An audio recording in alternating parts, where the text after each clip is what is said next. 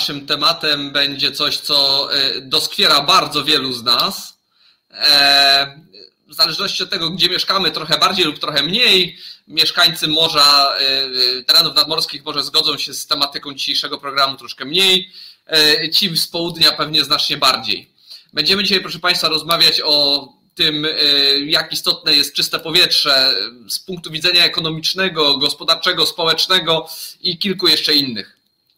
No bo o tym, że czystym powietrzem miło sobie pooddychać, to każdy wie. No ale z drugiej strony e, okazuje się, że to, żeby to czyste powietrze mieć, to trzeba jednak troszkę się postarać. Ja osobiście wywodzę się ze Śląska, właściwie tak konkretnie to z Zagłębia.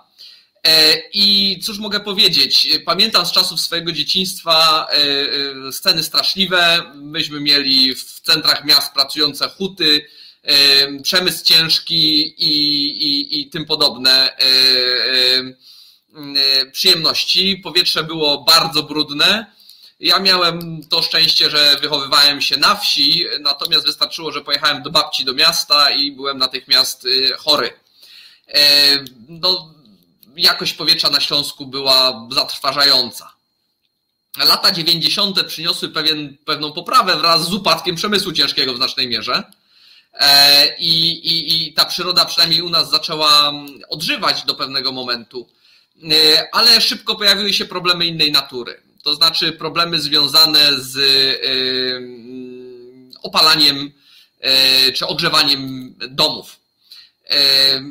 W czasach komunizmu, e, tutaj przynajmniej u nas w okolicy, wszyscy mieli dostęp do dość taniego i bardzo dobrej jakości węgla, co powodowało, że dym unoszący się z tych kominów może nie był najprzyjemniejszy, ale nie był też jakiś tragiczny.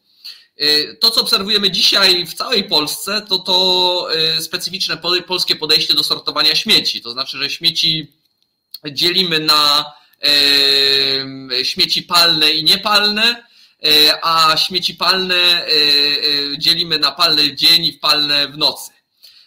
Jest to z jednej strony niby żarcik, ale z drugiej strony, jeśli się wyjdzie w nocy u nas na wieś, to widać, że ten żarcik ma się całkiem nieźle, bo wystarczy przejechać ulicą koło domu, w którym właśnie śmieci palne w nocy są palone i już w całym samochodzie czuć smród, a w ciągu dnia to wręcz można kolorystyczne frakcje odnotowywać tego, cóż też jest palone e, w danym, e, w danym miejscu.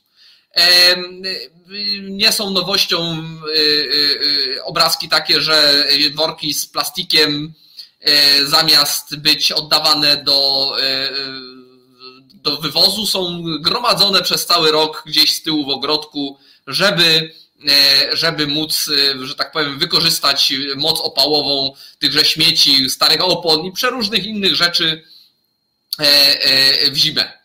No, wynika to niewątpliwie w pewnej części z czegoś, co się nazywa ubóstwem energetycznym, czyli, czyli innymi słowy z faktu, że energia kosztuje dużo i coraz więcej, i to obserwujemy na co dzień.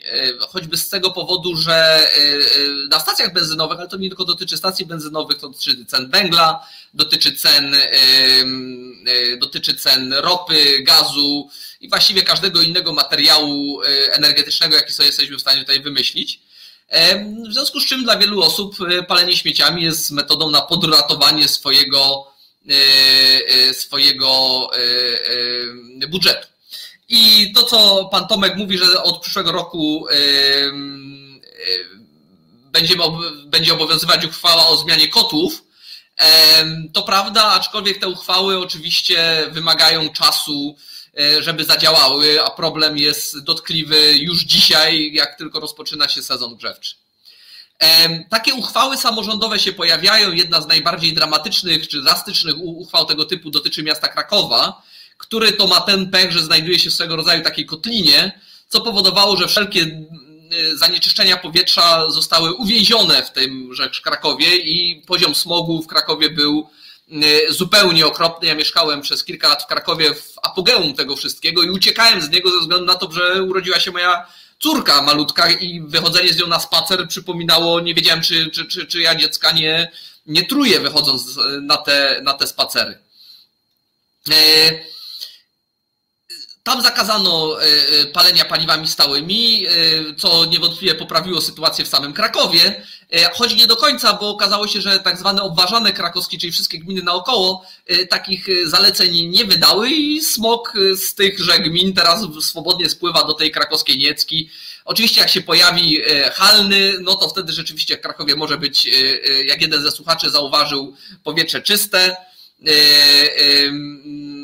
No i jednak większość czasu w Krakowie tak wesoło nie ma. Inna rzecz jest taka, że czasem jest problem z egzekwowaniem prawa istniejącego. Znowu pan, pan Tomek mówi, że rzeczywiście nie ma pomysłu na egzekwowanie prawa e, e, i bezkarnie tymi śmieciami palić można w ciągu dalszym. E, no i to palenie rzeczywiście następuje. To jest, to jest problem właściwie w bardzo wielu miejsc w, w Polsce powszechny. Kto był w Zakopanym też wie o czym, o czym mówię. Jakie to ma przełożenie na to, gdzie się znajdujemy? Ja bym poprosił o obrazek numer jeden e, do, do, do, do, dzisiejszego, e, do dzisiejszej audycji, który trochę pokaże, jak wyglądamy na tle Europy. E, no i niestety tutaj nie będziemy mogli powiedzieć, że jesteśmy zieloną wyspą, wręcz przeciwnie, można powiedzieć, że jesteśmy wyspą czerwoną, jak tylko pojawi się, mam nadzieję, ten obrazek z czym może być wyraźnie jakiś problem.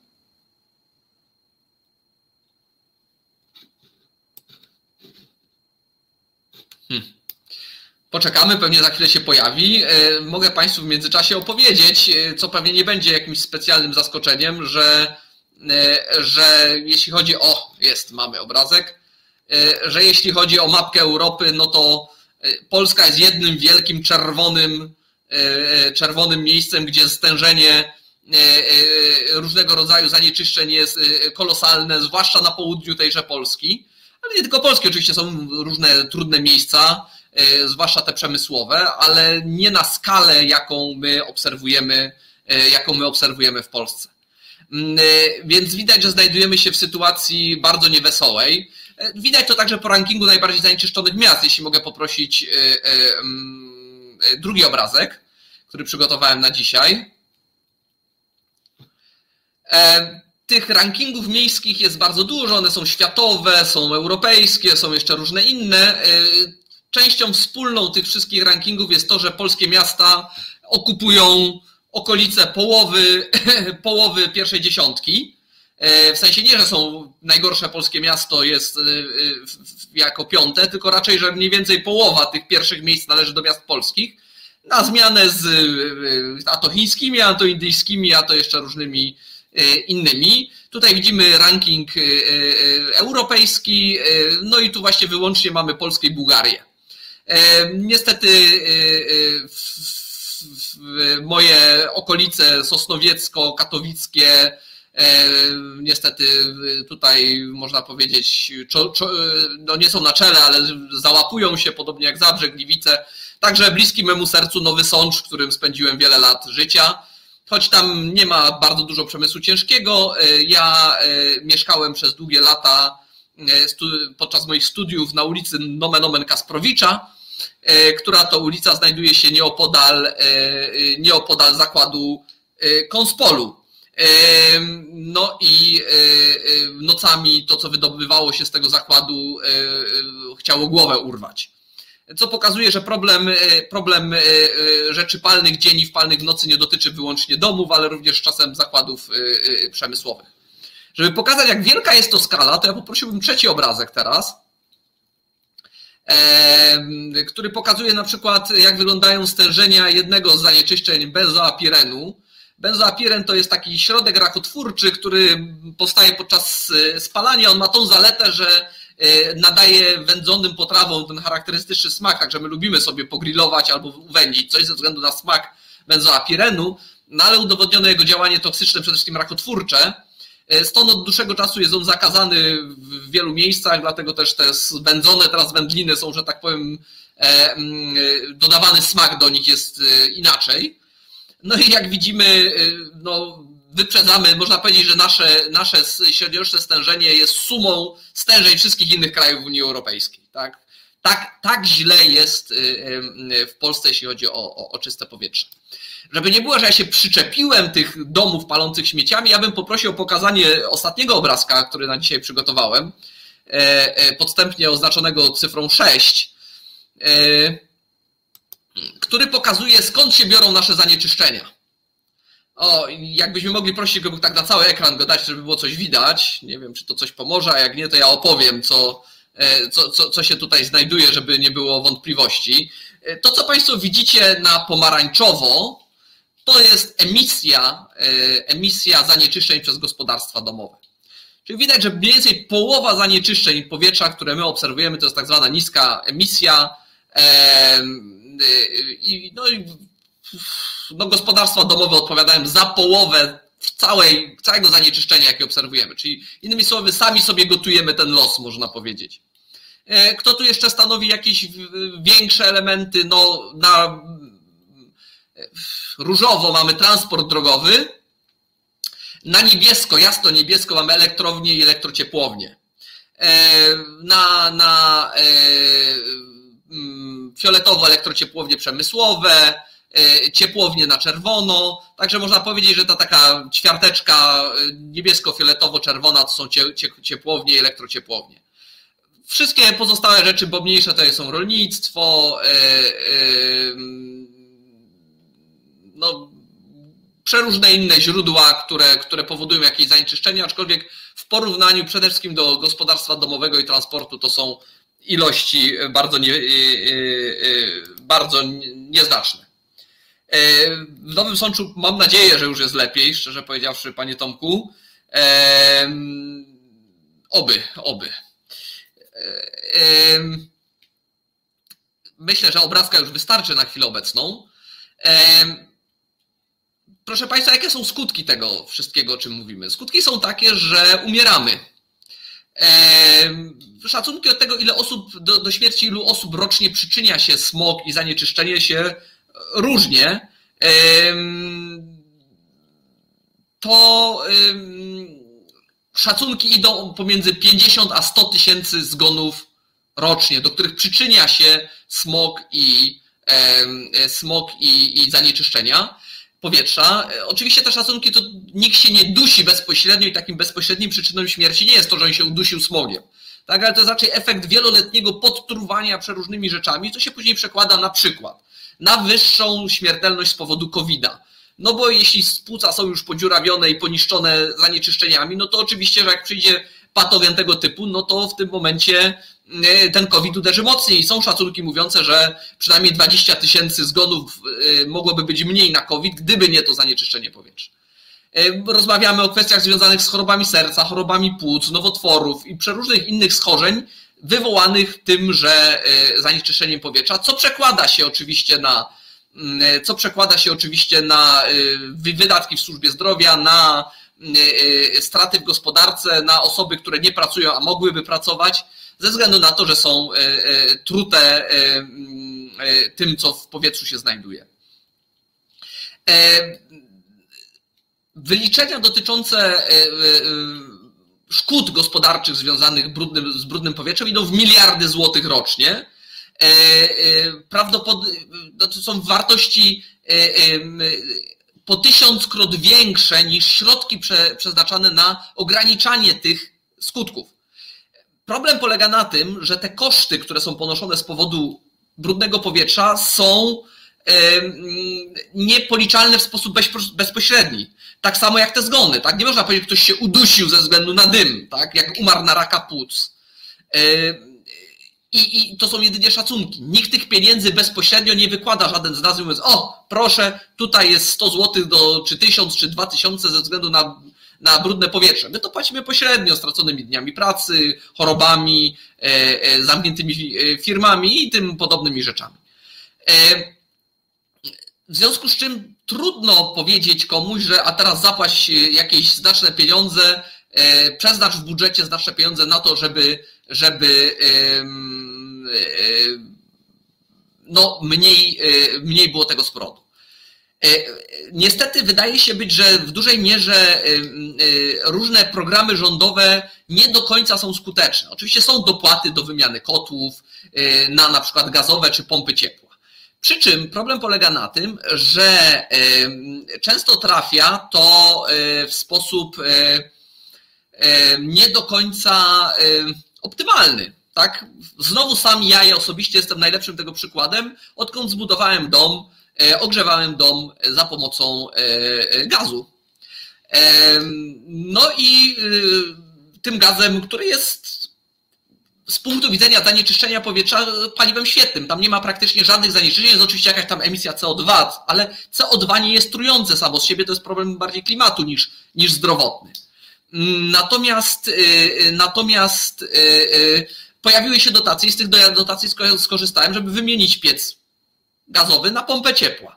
Jaka jest poprawa w związku z tym jakości powietrza ze względu na, na, na, moją wymianę? No żadna, tak? Nie licząc tych elementów klimatycznych, o których wspominałem. Natomiast ludzie, którzy palą w starych kopciuchach, dalej palą w tych starych kopciuchach i nie mają zamiaru wymieniać ich na cokolwiek innego, bo w czymkolwiek innym palić śmieciami się nie da. Nie da się w kotle gazowym palić śmieciami, nie da się nawet w kotle na jego ekogroszek palić śmieciami. W związku z czym oni z tymi kopciuchami będą tak długo jak to możliwe i, i dłużej, po to, aby tymi śmieciami palić się dało. Więc mamy pewną grupę domów, które są super ekologiczne i w których nie ma żadnych zanieczyszczeń praktycznie, i grupę domów, które po prostu dymią najbardziej czarnymi e, e, możliwymi dymami e, i dymić będą. A jeden taki dom na wieś wystarczy, żeby całą wieś zasmrodzić, można powiedzieć. Y, a jednocześnie egzekucja jakichkolwiek praw jest praktycznie y, y, nie, nie, niewykonalna. W większych miejscowościach zdarzają się patrole, zdarzają się drony, natomiast na wsiach coś takiego miejsca nie ma, bo A gminy powiedzmy nie mają na to środków, a B wójt boi się zantagonizować znaczniejszą liczbę osób, no bo go nie wybiorą na następną kadencję. I w ten sposób ta patologia i ten problem propaguje się dalej. I poprawa jest, można powiedzieć, co najwyżej nieznaczna. E, temat e, e, smogu w dużej mierze wybuchł w dużej mierze w okolicach roku 2015-16. Bardzo krótko został potraktowany przez rząd jako jeden z tak zwanych wymysłów lewicowych. I bo ja tam jakiś smog, co wy opowiadacie i, i ale to nas, tutaj refleksja po stronie rządu nastąpiła bardzo szybko. To znaczy ta narracja trwała krótko, miesiąc, dwa, trzy, i nastąpiła zupełna reorientacja mówienia o, problem, o problemie smogu. I, e, e, e, no i pojawiły się różnego rodzaju programy dotyczące tego, aby to czyste powietrze poprawiać. Został powołany też pełnomocnik premiera do spraw czystego powietrza, który to e, pełnomocnik, pan Bartłomiej Orzeł, e, Orzeł będzie naszym gościem już za chwilę po przerwie i porozmawiamy o tym, w jaki sposób możemy e, z problemem czystego, a właściwie brudnego powietrza próbować się zmierzyć. Te programy się pokazują, ich, ich efektywność jest, jak wiemy, jak na razie ograniczona, ze względu na duży opór społeczny także. I, y, i, I związanym z tym wyzwaniami y, i próbami zmian tego stanu będziemy rozmawiać y, po przerwie. A tymczasem zapraszam Państwa na krótką e, muzyczną przerwę. Reset Obywatelski działa dzięki Twojemu wsparciu. Znajdź nas na zrzutka.pl. Dzień dobry Panie Bartłomieju. Dzień dobry Panie redaktorze, dzień dobry Państwu. No to niech nam Pan opowie, e, jak już namalowałem ten czarny obraz tego, co u nas, e, jaka u nas sytuacja jest e, i w jak niełatwej sytuacji pan się znajduje, biorąc pod uwagę punkt wyjścia. E, jakie są pomysły na to, żeby coś tu radykalnie poprawić? Znaczy jest trochę tak, że punkt wyjścia naprawdę jest dużo lepszy niż był w 2015 roku, no bo jakby pojawiłem się w, jestem pełnomocnikiem, wywodzę się z organizacji pozarządowych z Polskiego Alarmu Smogowego e, i to, o czym była mowa w 2014-2015 roku, dzisiaj jest już pewnym standardem. E, wtedy 2014-2015 rok e, to był właśnie ten, ten wymysł, miastowy, że tak to ujmę, bo, bo ja też e, no, pochodzę z Nowego Sącza, natomiast e, studiowałem w Krakowie. Także no jakby ten, ten nowosądecki alarm smogowy powstał na bazie moich doświadczeń i mojej działalności w Krakowie, więc jakby doskonale, doskonale to rozumiem. Natomiast dziś już o tym problemie się mówi głośno. o tym problem, tego problemu się nie neguje. Myślę, że, że bardzo dużo też się zmieniło w kwestii pewnych uwarunkowań, uwarunkowań, uwarunkowań prawnych, przepraszam. 2000, do 2017 roku sytuacja prawna była taka, że tych kopciuchów tych pozaklasowych pieców, które głównie odpowiadają za smog, tak naprawdę przybywało. E, ta liczba cały czas się zwiększała, ponieważ one były dostępne powszechnie w obrocie, można było je legalnie kupić, zamontować nawet w nowym domu.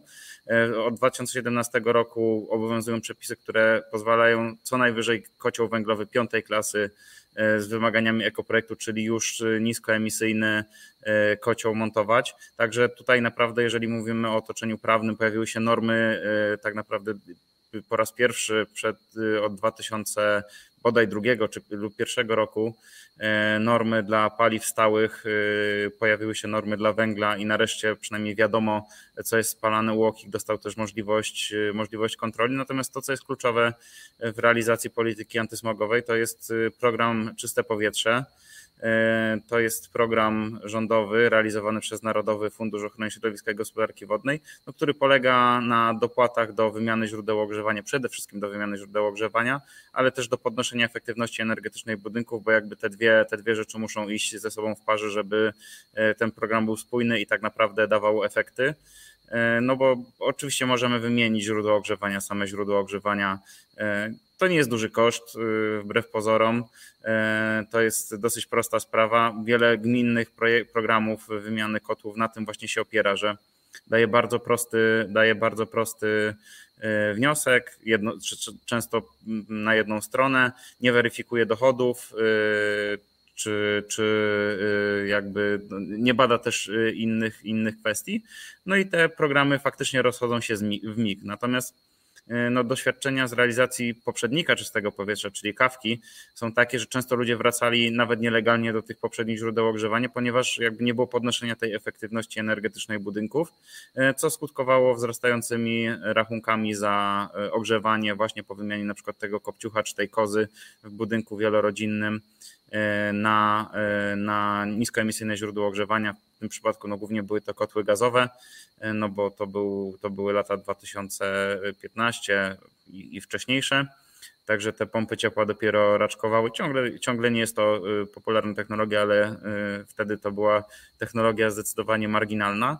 E, no i e, jakby ta efektywność energetyczna pojawiła się w programie Czyste Powietrze, można uzyskać środki na, na termomodernizację. Także e, czarny obraz zarysowany, natomiast zdecydowanie widać, że mm, bardzo dużo już się udało zrobić, bardzo dużo się poprawiło od czasów, który, kiedy ja byłem po stronie trzeciego sektora, że tak to ujmę. E, I myślę, że, że jest duży potencjał tego, żebyśmy już niedługo oddychali czystym powietrzem, e, a na pewno coraz czystszym. Na to wskazują też liczby wymiany, wymiany kotłów w programie Czyste Powietrze. No on miał ciężki start. Ja się tutaj oczywiście do tego powtarzam to zawsze. Nie, nie, nie uciekam od tego, że, że tych siedem progów dochodowych, masa papierologii, no to powodowało naprawdę duże utrudnienia w realizacji tego programu, co niestety też odbija się dzisiaj czkawką, do dzisiaj czkawką, bo ten program dzisiaj jest uproszczony. Tam, gdzie było możliwe zastąpienie zaświadczeń które należy uzyskiwać, zastąpiono świadczeniami. Pojawiły się dwa progi dochodowe tak naprawdę yy, dla osób bardziej zamożnych i mniej zamożnych.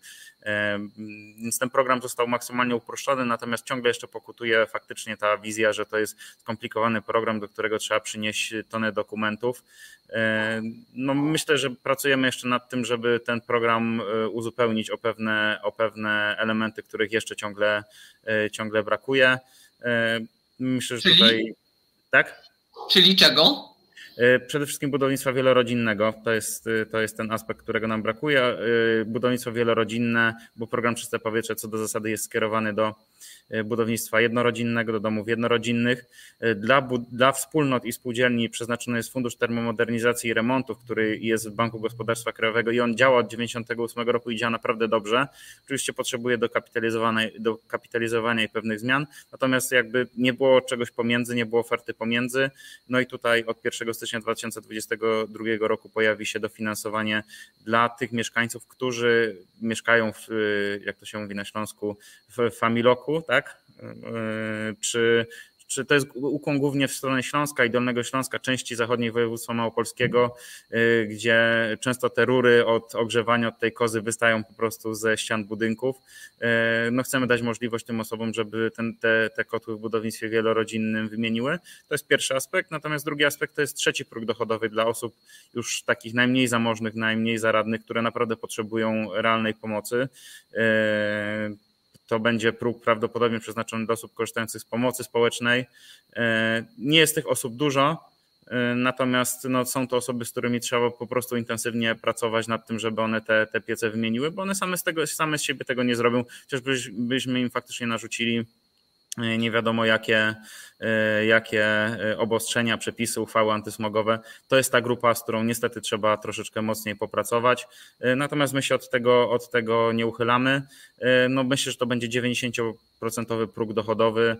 Pozostałe dwa progi to jest, to jest próg 30%, podstawowy poziom dofinansowania obecnie podwyższony to, to 60%. No i jakby myślę, że to, to co się pojawi, czyli te budownictwo, to budownictwo wielorodzinne, i, e, i ten trzeci próg dochodowy to już jest pełna kompleksowa oferta. E, teraz jest, e, pozostaje, odrębną kwestią pozostaje budowa kanałów dystrybucji i popularności tego programu, który naprawdę zaczął się rozpędzać. No, pracujemy, pracujemy nad tym wszystkim. Fajnie powymieniać te kotły i różne inne rzeczy. Pytanie, jaki to ma wpływ na rzeczywistą czystość powietrza? Znaczy, ile się udało uzyskać przez te kilka lat, oczywiście uwzględniając pewne e, sprzyjające warunki, na przykład to, że były łagodne zimy ostatnimi czasy, nie czy ostatniej oczywiście, czy właściwie w ogóle zimy nie było, tak, ale pompując te pieniądze w jakimś tam zakresie, czyli na ile badamy efektywność tego całego, tego całego programu. Problem jest taki, że tak naprawdę musielibyśmy y, uzyskać, y, jeżeli chcielibyśmy na przykład porównać gminę rok do roku, no to musielibyśmy mieć dokładnie te same warunki, te same warunki wietrzne, pogodowe. No jest to, jest to, jest to po prostu faktycznie niemożliwe do zrobienia. Natomiast można to porównać na przykładzie Krakowa i ościennych gmin, gdzie bodaj o 40% udało się Krakowowi zmniejszyć, znaczy to zmniejszenie było większe emisji, ta jakość powietrza o 40% udało się poprawić. Także tutaj widać, że to naprawdę przynosi efekty względem Kraków względem obważanka, e, gdzie to, to jak padło wcześniej, ta bolesna czy e, brutalna decyzja o zakazie e, wykorzystywania paliw stałych zapadła. Jeszcze nie wszystkie koty udało się wymienić, natomiast Kraków też jakby wchodzi w program Stop Smog, to jest taka odnoga czystego powietrza, gdzie gmina angażuje swoje środki i Kraków chce się zaangażować, wejść w te ostatnie budynki. Właśnie to jest praca z tymi osobami najmniej zamożnymi, która jest bardzo, e, bardzo mocna po stronie bardzo mocno powinna leżeć po stronie samorządu, e, no bo jakby to na co dzień to te osoby z GOPS-u wiedzą na przykład, że pani Janina w tamtym roku kupiła półtorej tony węgla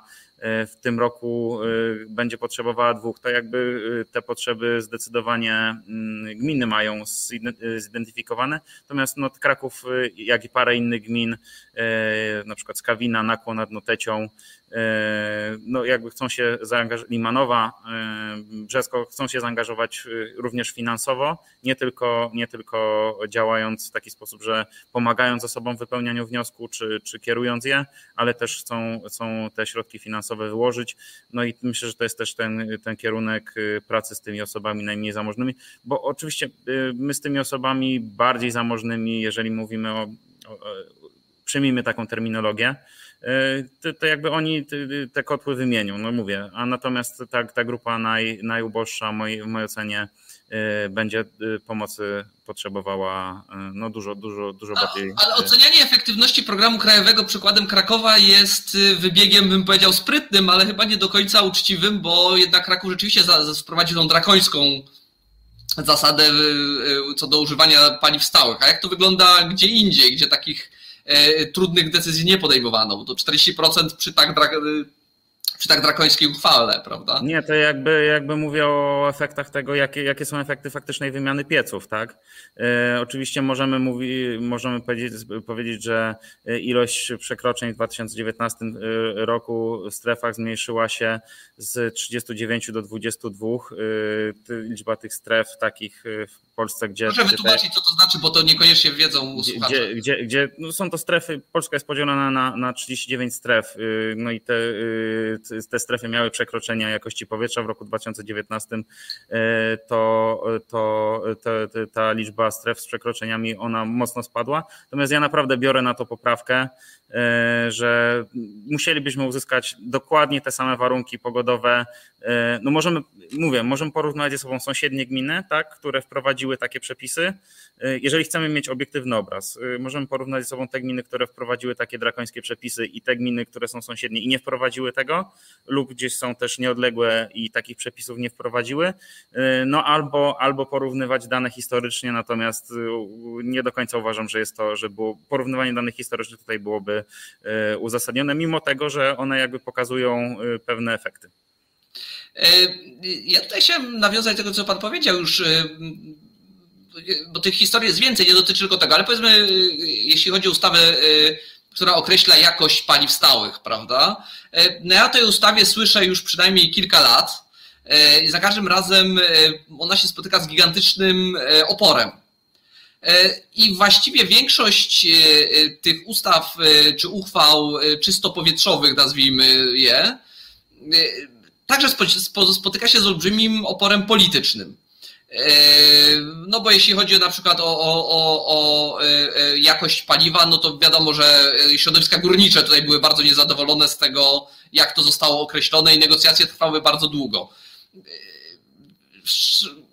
Z jednej strony rozumiem twarde interesy ekonomiczne, które za tym wszystkim stoją, ale z drugiej strony zastanawiam się, jak, jak mm, wytłumaczyć, czy zrozumieć, czy brakuje tego podwójnego widzenia, że właściwie oponując przed tym sami się skazujemy na trucie się? E, to znaczy tak, e, ustawa, ustawa wprowadza rozporządzenie, w którym, tak, pan, tak. tak w którym minister określa jakość paliw. To rozporządzenie faktycznie funkcjonuje, udało się te normy wprowadzić. Teraz skończyliśmy też pracę zespołu, co też myślę, że widać w mediach, bo pojawił się dialog publiczny na temat rozwiązań, które wypracowaliśmy, czyli na przykład odejście od nazwy ekogroszek, odcięcie tej, tego, tej części eko E, określenie tylko pewnych klas e, groszku, e, węgla w groszku. No i faktycznie to spotyka się z oporem społecznym. No ja rozumiem oczywiście pewne, znaczy myślę, że pan redaktor lepiej jako, jako osoba pochodząca ze Śląska czy z Zagłębia lepiej rozumie, rozumie, rozumie te problemy. Natomiast no ta transformacja, no nie możemy zrobić tak, że z dnia na dzień, jeżeli mówimy już o transformacji całego regionu, że z dnia na dzień zakażemy wydobywania węgla. Oczywiście musimy go ograniczać, musimy podnosić jakość tego węgla, który, który jest dostępny. No natomiast no, trzeba jednak brać też poprawkę na ekonomia ma jakby dwie strony, tak? No trzeba też brać poprawkę na, na, na, na zamożność, na tych mieszkańców, no gdzieś oni muszą pracować. Śląsk, ja też jeżdżę od wielu lat, widzę, że on się zmienia, bardzo mocno stawia na nowe technologie, co mnie, co mnie bardzo cieszy. Jestem przekonany, że kiedy będziemy wygaszać e, ostatnią kopalnię e, węgla w Polsce, e, kiedy ona będzie zamykana, no to na Śląsku będzie już działał naprawdę prężnie ten przemysł. Być może przemysł polegający na E, budowie pomp ciepła, bo myślę, że to jest nasz e, hit eksportowy, którym, e, którym możemy zastąpić węgiel bo widzę, widać jakby u polskich producentów, że u polskich przedsiębiorców, że oni są w stanie produkować y, pompy ciepła, takie, które są w stanie rywalizować na rynkach zachodnich.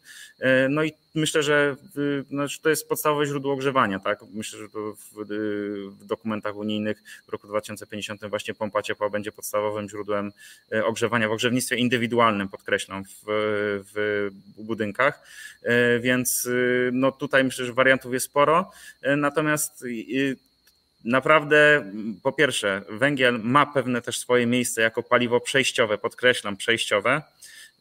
no bo jest tych kotłów, które gdzieś były finansowane w ostatnich latach, też były wymieniane zgodnie z prawem, tak? No, trzeba trzeba na, to, na to też brać poprawkę. Ta żywotność tego kotła to jest 10-15 lat, nie więcej. Także one będą siłą rzeczy eliminowane.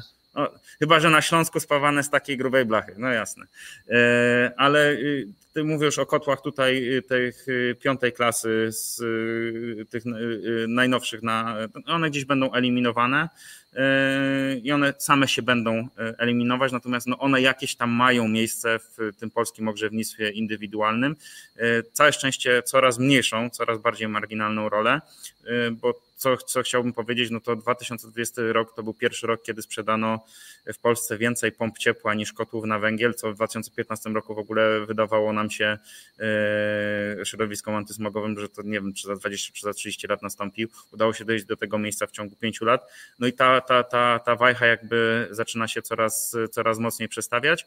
E, no i też jakby e, słyszałem zarzuty do, dotyczące śląskiej uchwały antysmogowej, że po pierwsze, no egzekucja no to oczywista rzecz. Y, tutaj gmina, no wójt jakby jest odpowiedzialny na mocy prawa ochrony środowiska za egzekucję tych przepisów, no chyba, że jest upoważniony przez niego urzędnik, tudzież straż gminna z dronami.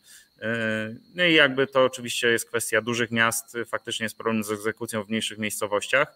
Y, natomiast muszę tutaj wbić szpilę, bo kiedy y, świętej pamięci profesor Szyszko zaproponował powołanie policji ekologicznej, która miała służyć właśnie między innymi takim celom, to podniósł się wielki raban, że, y, że y, jakaś policja będzie wchodziła na posesję z bronią, może jeszcze przystawiała do głowy.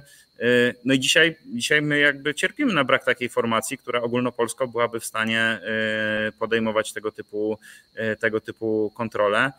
No jakieś kontrole krzyżowe w gminach, gdzie te gminy się wymieniają tymi strażnikami, być może to jest jakieś, to jest jakieś rozwiązanie. Natomiast ta uchwała antysmogowa jasno i wyraźnie przyspieszyła realizację wymiany kotów, przynajmniej w programie Czyste Powietrze w województwie śląskim. Jeżeli byśmy sobie popatrzyli na ranking y, najbardziej aktywnych gmin, gdzie, gdzie ta liczba kotów jest przeliczona na 10 tysięcy mieszkańców, no to pierwsza dziesiątka to w pierwszym kwartale no to 9 gmin było z województwa śląskiego. Mm, niesamowicie jest y, aktywny zwłaszcza powiat rybnicki i powiat wodzisławski, gdzie widać, że ktoś, y, jak to kolokwialnie, wziął się za bary z tym, z tym tematem. Gminy z właśnie z tych dwóch powiatów, no to absolutna czołówka. No Rybnik, Rybnik w, w ramach samego programu Czyste Powietrze wymienił 3300 kotłów od samego początku funkcjonowania, więc widać, że jakby y, ta uchwała y, no ma skutki, ma skutki w przyspieszeniu tej wymiany. E, natomiast, e, natomiast no, to jeszcze trzeba na, na, to nałożyć, że e, na przykład Małopolska myślę, że wymienia kotłów porównywalną ile ze Śląskiem, ale jeszcze jedzie na tych oparach obecnej perspektywy unijnej, gdzie te dopłaty często sięgają 100%, więc jakby są bardziej atrakcyjne niż, niż program Czyste Powietrze. Natomiast tego w kolejnej perspektywie unijnej i w Krajowym Planie Odbudowy już nie będzie. Wszystko będzie szło do tego centralnego worka i z tego centralnego worka czystopowietrznego będzie szło więc tak naprawdę to wtedy będzie można powiedzieć, y, jaka jest efektywność tego programu w Małopolsce. No bo Śląsk jakby Śląsk już tego RPO, RPO nie ma, natomiast w innych województwach to jeszcze, jeszcze momentami funkcjonuje. No, pomysły centralizacyjne spotykają się z moim osobiście dość dużym e, sceptycyzmem, ze względu na to, to że. To, to, ja, to ja podam jakby y, konkretne argumenty, bo y, poprzednik Kawka no to był programem, który był który był y, oparty właśnie na samorządach. No i od tego, czy się samorząd zaangażował, czy się nie zaangażował, zależało, czy ktoś mógł dostać dotację w danym, danej gminie, czy nie. Jakby, no, to, to, więc po pierwsze problem powszechności, tak, y, który y, ta centralizacja rozwiązuje.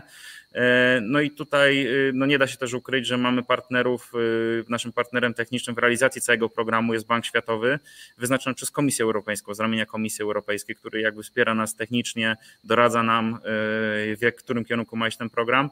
No i jakby to jest przykład tego, że, że Komisja Europejska po prostu, Komisja Europejska sama powiedziała, że nie będzie już właśnie w tych wojewódzkich programach wymiany kotów, sama Komisja Europejska to, to, to y, zaakceptowała, y, pobłogosławiła, także no, jakby są to pewne doświadczenia wyciągnięte nie tylko z czystego powietrza, nie tylko z kawki, ale podejrzewam też, że z innych państw europejskich, gdzie zdarzało się, że na przykład alokacje nie były wykorzystywane. Takim jednym z dużych problemów, o których się mówi nie tym, a nie tylko w tym przypadku jest kwestia ubóstwa energetycznego, tak? Czyli tego, że no, rzeczywiście, jak Pan już wspomniał, ktoś nawet wymieni kocioł na gazowy, po czym jak dostanie jedno, drugi rachunek za gaz, to stwierdza, że on się w to nie bawi i zamontuje swojego starego kopciucha z powrotem, bo w kopciuchu da się palić śmieciami, a w kotle gazowym się nie da palić śmieciami. I to jest problem numer jeden, który, który tutaj się da dostrzec, bo nie ukrywajmy, oczywiście z wyjątkami, bo znamy różnych, różnych ludzi, ale z wyjątkami jednak główną część tych najbardziej smrodzących to są ci najbiedniejsi, tak? bo ich nie stać na to, żeby kupić odpowiedniej jakości ilości paliwo, więc go uzupełniają czym, e, e, czym tylko mogą. Chciałem zapytać, czy tu jest y, perspektywa jakaś taka szersza i dłuższa niż tylko wymiana, ale też właśnie zapewnienie jakiejś możliwości tego, żeby ta wymiana miała dłuższe życie i nie zabiła ekonomicznie tych, którym wymieniliśmy. No to właśnie to jest też kolejna, mówię, rzecz wyciągnięta z kawki, z tego, że jakby co działało, co nie działało. No w ramach czystego y, ten poziom dofinansowania można, można uzyskać nawet na samą termomodernizację, jeżeli ma się już źródło y, ogrzewania zgodne z tymi wymaganiami, samemu się je wymieniło można dostać e, w tym podstawowym poziomie dofinansowania do 10 tysięcy na termomodernizację w podwyższonym do 15, natomiast będziemy trochę e, urealniać te, te, te, te koszty. Troszeczkę trzeba jeszcze brać poprawkę na to, że jakby pandemia i niedostępność stali, pewnych materiałów budowlanych spowodowała też, też te ceny, więc jakby długofalowo to nie będzie tak, że to będzie pewnie jakiś, jakiś duży skok Natomiast, natomiast faktycznie te ceny wymaga, te, te, te, te dopłaty wymagają urealnienia. E, więc istnieje możliwość dostania środków na, e, na docieplenie, na wymianę stolarki okiennej, stolarki drzwiowej. E, stąd, stąd też podnoszenie efektywności energetycznej. No są też pewne budynki, które, o których powiedzmy sobie szczerze, nie opłaca się. Znaczy, te budynki już kończą swoją żywotność. Y, ich doprowadzenie do stanu efektywności energetycznej kosztowałoby 100 tysięcy złotych, 200 tysięcy złotych. Więc tak naprawdę to tutaj y, kolejny, y, kolejne jakby zadanie w mojej ocenie po stronie gminy, żeby takie osoby zidentyfikować, być może dać im jakiś lokal socjalny, żeby już nie było potrzeby no, ten budynek już y, się do niczego nie nadaje, nie ma sensu, go, nie ma sensu do niego wkładać pieniędzy, więc, y, więc trzeba po prostu taką osobę przenieść, być może do, zapewnić jej, jej y, lokal socjalny. No mówię, to jest naprawdę faktycznie dużo szerszy problem niż, niż sama wymiana źródeł ogrzewania. E, no i to też widzi y, ta Komisja Europejska, która jakby no finansuje też w dużej części program Czyste Powietrze, czy będzie finansować w dużej części program Czyste Powietrze, bo y, w ramach KPO i, i Feniksa, czyli funduszy na, na środowisko, y, około 5 miliardów euro znajdzie się na sam program Czyste Powietrze. No i Renovation Wave całe, które będzie w państwach Unii Europejskiej, Czechy, Włochy, no to, no to będzie się opierać na, na bardzo podobnej zasadzie.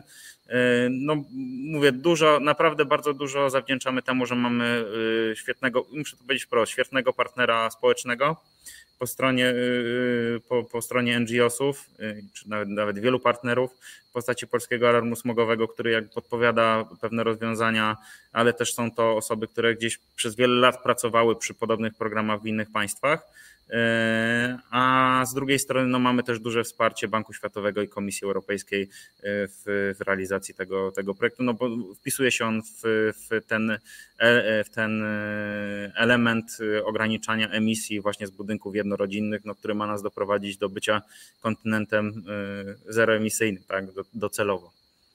Znaczy, kolejna rzecz związana z pompami ciepła, która jest jakby szerszym, wymaga szerszego kontekstu, to jest kwestia prądu który z jednej strony robi się bardzo drogi i będzie prawdopodobnie jeszcze droższy, e, ze względu na zaniechania wieloletnie e, nasze w odchodzeniu od, od, od węgla,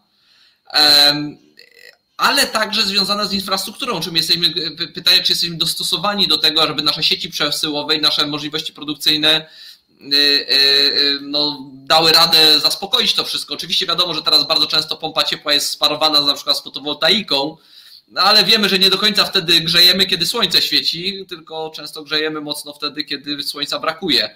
Mm, zresztą te problemy w bilansowaniu mocy widać nie tylko w Polsce, ale w wielu innych krajach. Na, na ile te programy wymiany, na przykład idące w kierunku pomp ciepła, biorą pod uwagę architekturę infrastruktury przesyłowej i, i, i produkującej prąd? Znaczy widać y, po zmianach, które zaproponowało ministerstwo, że jakby y, oczekiwania i chęć y, Polaków do posiadania paneli fotowoltaicznych przerosła oczekiwania. E, no i teraz trzeba dokonać pewnej zmiany, z którą ja zupełnie szczerze i jakby no to jest jakby żadna tajemnica, no bo jak mówiłem o tym też publicznie, nie do końca się zgadzam z propozycją Ministerstwa Klimatu, e, tą zmianą w systemie prosumenckim, czyli, e, czyli dzisiejszego systemu opustów e, i zmienienie go na, na system sprzedawania tak, energii i odkupowania, sprzedawania jej po cenie hurtowej, odkupowania po cenie, po cenie detalicznej. Dzisiaj, Dość dzisiaj, niekorzystny, dodajmy. Tak, no to jest to system niekorzystny. Na pewno uważam, że powinien być okres przejściowy, jeżeli mówimy o takiej zmianie. E, a dla posiadaczy pomp ciepła, dla, dla tych, jak to mówi pani, e, pani premier Emilewicz, wysp energetycznych, niezależnych wysp energetycznych, e, być może przez 10 lat powinny być tego typu rozwiązania utrzymane, właśnie po to, żeby upowszechnić tę technologię, która mówię, zaczęła się też rozwijać, jest szansą dla polskiej gospodarki, jest szansą dla, dla polskich producentów. I też no, w przyszłości będzie podstawą, i mówię, to jest we wszystkich dokumentach unijnych, y, pompa ciepła plus fotowoltaika będzie podstawą w ogrzewnictwie indywidualnym w roku 2040, 50. Y, od tego nie uciekniemy, więc ta modernizacja sieci przesyłowych y, tak naprawdę no, nie mam wyjścia, ona będzie musiała, ona będzie musiała się odbyć. Natomiast jeżeli chodzi o, o, o, samo, o same pompy ciepła, no to tutaj też jakby jest kolejny Kolejny powód, dlaczego jest to wąskie gardło, e, dlaczego tych pomp ciepła nie ma na pęczki. No przecież to jest żaden problem tak naprawdę wyprodukować pompę ciepła czy przywieźć ją z Chin, e, ale chodzi o pewien, o pewien standard jakość serwis, e, standard usług serwisowych, usług montażowych, po to, żeby cała technologia nie została spalona na panewce, w momencie, w którym tak naprawdę zaczęła się rozwijać, e, żeby osoby, które e, tak naprawdę się nigdy tym nie zajmowały i tak powiem z doskoku e, chciały zamontować pompę ciepła, bo chciały na tym zarobić, czy nieuczciwe firmy, czy firmy, które się nie potrafiły tym zająć, żeby po prostu tej, tej technologii też nie zepsuły, bo to jest, no nie, nie boję się tego użyć, to jest nasza przyszłość, być może kotły na, na wodór to jest jakaś tam alternatywa, ale y, według przewidywań wszystkich analityków, których znam, z którymi też rozmawiam na ten temat, to jednak, to jednak te pompy ciepła wygrają z kotłami na wodór, również ekonomicznie. A w tym zestawie, o który Pan wymienił, pompa ciepła i fotowoltaika, brakuje mi bardzo, jedno, bardzo mocno jednego elementu, i też moje pytanie, czy, czy, czy, czy w ramach tych programów, o których Państwo myślicie, też myślicie opuścić w tym, w tym kierunku? To znaczy jest element produkcyjny, czyli fotowoltaiki, mamy element zużywający, czyli pompa ciepła. Problem polega na tym, że one są ze sobą niesynchronizowane. Tak?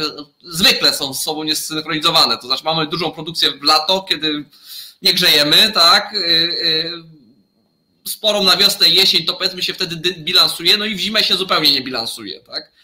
E, czy w tym zestawieniu, e, czyli w tym zestawie brakuje elementu bilansującego, czy jakiejś możliwości przechowywania tej energii, czy to w, postaci zbiornika z ciepłą wodą, czy to w postaci e, baterii, czy czegoś jeszcze innego. Czy, czy, czy ten trzeci element jest tutaj też przewidywany jako rozbudowanie tych zestawów w ramach tych programów, które Państwo planujecie? Wedle mojej wiedzy w następnej edycji tego programu Mój Prąd, który stricte jest związany z fotowoltaiką, no bo czyste powietrze jakby ma ten element posiadania instalacji fotowoltaicznej pompy ciepła, natomiast stricte y, do, do paneli fotowoltaicznych skierowany jest Mój Prąd, znajdzie się element magazynowania y, energii. Y, niestety ja tutaj nie jestem w stanie powiedzieć, czy to będą akumulatory, czy to będzie na przykład magazynowanie w formie, w formie na przykład samochodu, E, czy pojawią się te małe elektrolizery gdzieś na poziomie osiedla, no bo być może taka przyszłość nas też czeka. E, ja bym bardzo sobie tego życzył, żebyśmy o, o tych elektrolizerach i o tym wodorze e, naprawdę widzieli te efekty i, i istnienie ich, więc na pewno to magazynowanie energii w kolejnym programie mojego prądu, to będzie już mój prąd 4.0 się pojawi. Bardzo dziękuję za spotkanie dzisiaj. Mam nadzieję, że będziemy mieli okazję spotkać, zobaczyć, jak postępy tych programów dalej następują, bo temat jest istotny i, i będziemy go odczuwać przez najbliższe miesiące bardziej niż odczuwaliśmy przez kilka ostatnich miesięcy.